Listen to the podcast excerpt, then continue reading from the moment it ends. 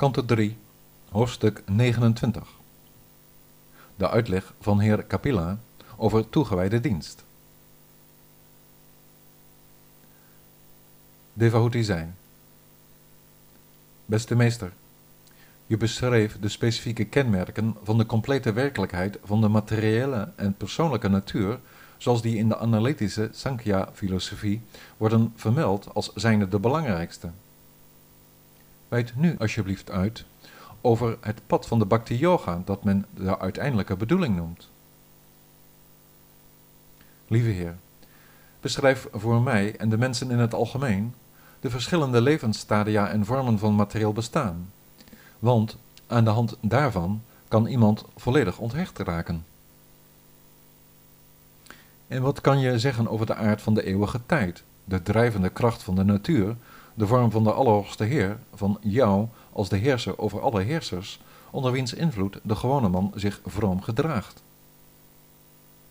Jij bent verschenen als de zon van het yogasysteem, ter wille van de levende wezens gehecht aan materiële handelingen, wiens intelligentie verblind is door vals ego, en die, er moe van niemand te hebben tot wie ze zich kunnen wenden, voor een lange tijd in het duister tasten.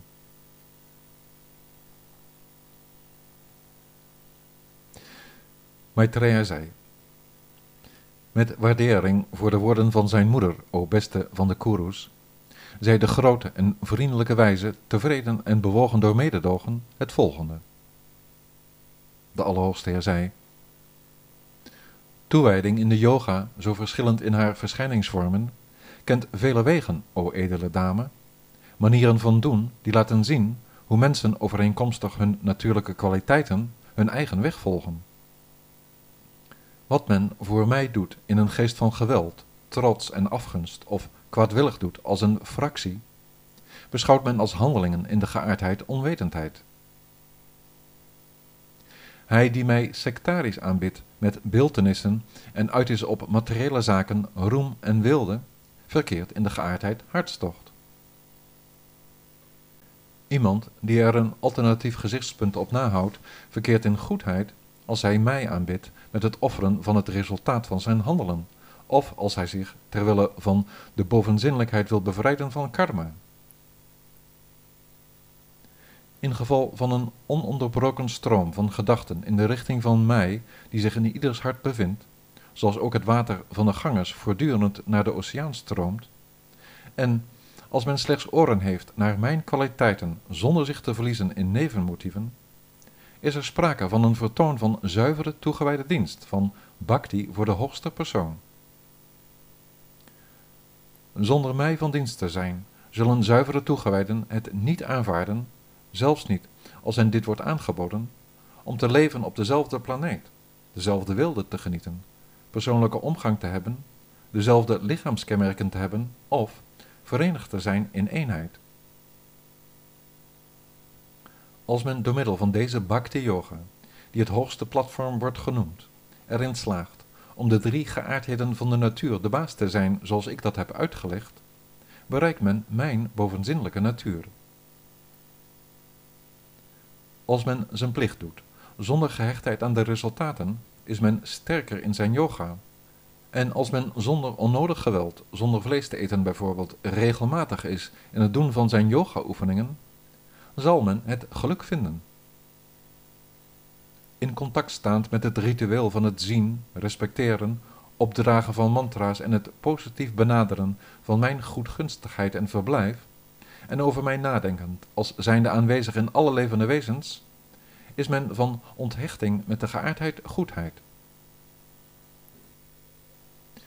Middels zinsbeheersing en de juiste regulering door het grootste respect te koesteren voor de grote zielen, door mededogen te zijn met de armen en door vriendschappelijk om te gaan met gelijkgezinden, door te vernemen over spirituele zaken, door het zingen van mijn heilige namen, door recht door zee te zijn, er beschaafd gezelschap op na te houden en door geen vals ego te koesteren, raakt het bewustzijn van een persoon die met deze kwaliteiten zijn plicht doet jegens mij, volledig gezuiverd.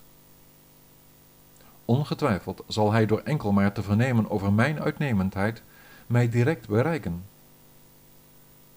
Zoals de reukzin het aroma opvangt dat vanaf zijn oorsprong via de lucht wordt meegevoerd, krijgt ook het bewustzijn via de yoga lucht van de opperziel die onveranderlijk is.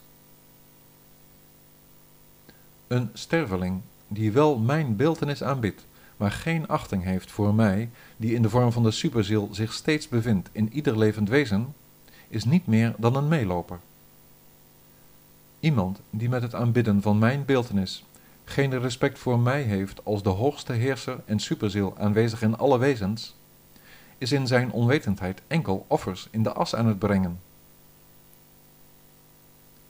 Hij die mij zijn respect betoont, maar afgunstig is als er anderen bij zijn, leeft met zijn ingaan tegen anderen in vijandschap en zal nooit innerlijke vrede vinden.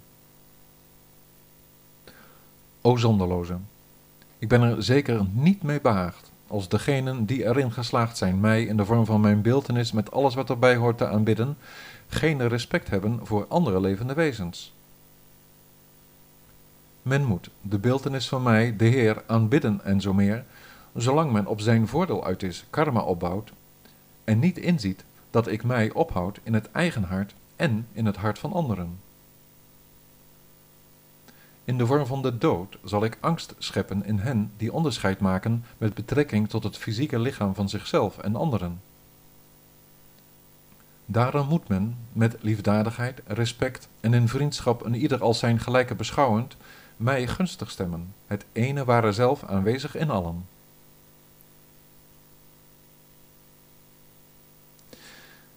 Levende wezens zijn beter ontwikkeld dan levenloze voorwerpen, beter dan bestaansvormen met levenstekenen, o gezegende, zijn bestaansvormen met een ontwikkeld bewustzijn, en beter dan zij zijn degenen die hun zintuigelijke waarneming ontwikkelden. Onder hen zijn zij die smaak ontwikkelden, beter dan zij die enkel hun tastzin ontwikkelden. En beter dan zij zijn degenen waarbij de reuk zich ontwikkelde. Ten opzichte van hen zijn zij weer beter die het vermogen tot horen ontwikkelden. Beter dan zij zijn degenen die vormverschillen waarnemen, en nog weer beter zijn zij die tanden in hun beide kaken hebben. Van hen zijn zij die meerdere ledematen hebben, de betere. Onder hen zijn de vierbenigen de beter ontwikkelden, en nog weer beter dan zij zijn de tweebenigen, de menselijke wezens. Onder de mensen is een samenleving met vier klassen de betere, en van die klassen zijn de Brahmanen het best ontwikkeld. Onder de Brahmanen is hij die kennis heeft van de Veda's de beste. En van hen is degene die op de hoogte is van de bedoeling van de Veda's nog weer beter. Beter dan degene die weet heeft van de bedoeling van de Veda's, is degene die aan alle twijfel een einde weet te maken. En beter dan hij is de Brahmaan die zijn vastgestelde plicht vervult. Beter dan hij is degene die daarin vrij is van wereldse gehechtheid. En het allerbest ontwikkeld is hij die zijn rechtschapen plicht niet voor zichzelf alleen doet. Daarom ken ik geen persoon die groter is dan hij, die met een toegewijde geest al zijn handelingen, rijkdom en leven, zonder enige terughoudendheid aan mij heeft opgedragen en standvastig te werk gaat, zonder een ander belang te dienen. Zo iemand, die de Allerhoogste Heer, de heerser over de individuele ziel, beschouwd als binnengegaan in al deze levende wezens in de vorm van zijn expansie van de superziel, gaat daarom met achting en respect gewetensvol om met zijn medeschepselen. O dochter van Manu, iemand kan de oorspronkelijke persoon bereiken door ieder van de twee paden van bhakti en mystieke yoga afzonderlijk te volgen die ik heb beschreven.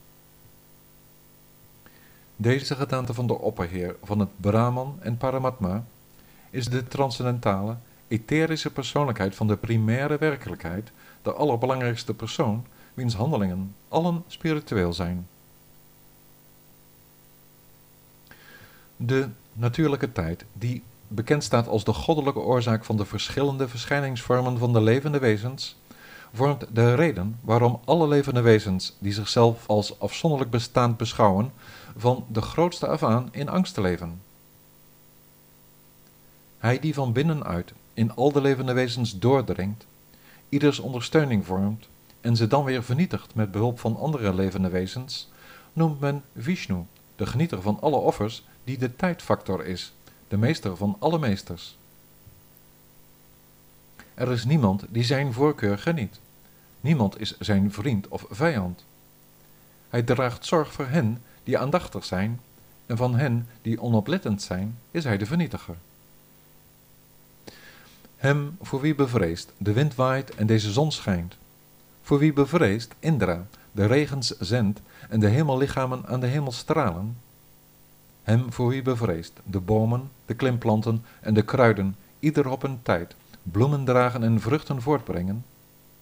Hem uit angst voor wie de rivieren stromen en de oceanen niet overstromen, vanwege wie het vuur brandt en de aarde met haar bergen niet verzinkt, hem vanwege wie de hemel lucht verschaft aan hen die ademhalen, en onder wiens heerschappij het geheel van het universum uitdijt tot de volledige werkelijkheid met haar zeven lagen, hem uit vrees voor wie, de goden van de schepping en zo meer, die zorg dragen voor de basiskwaliteiten van de natuur, in deze wereld hun functies uitoefenen naar gelang de yuga's, en de onder wiens gezag al dit levende en levenloze staat, die oneindige, uiteindelijke heerser van de tijd, die zijn begin niet kent, is de onveranderlijke schepper die mensen vormt uit mensen en met de dood een einde maakt aan de heerschappij van de dood.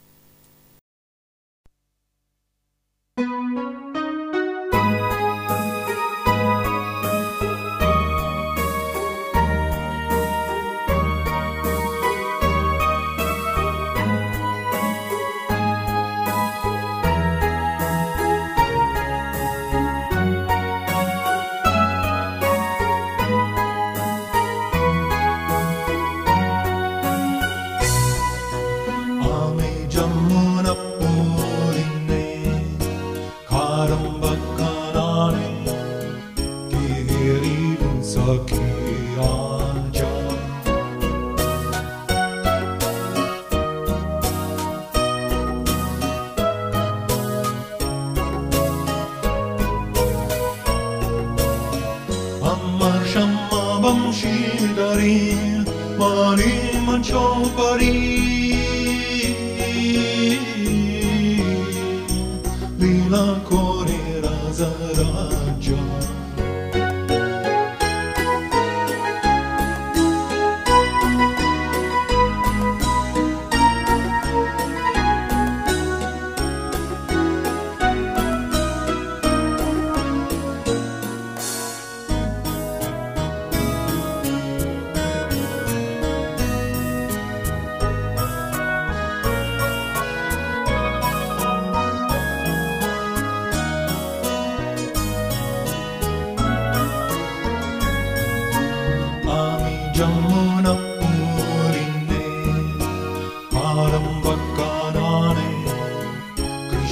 querer.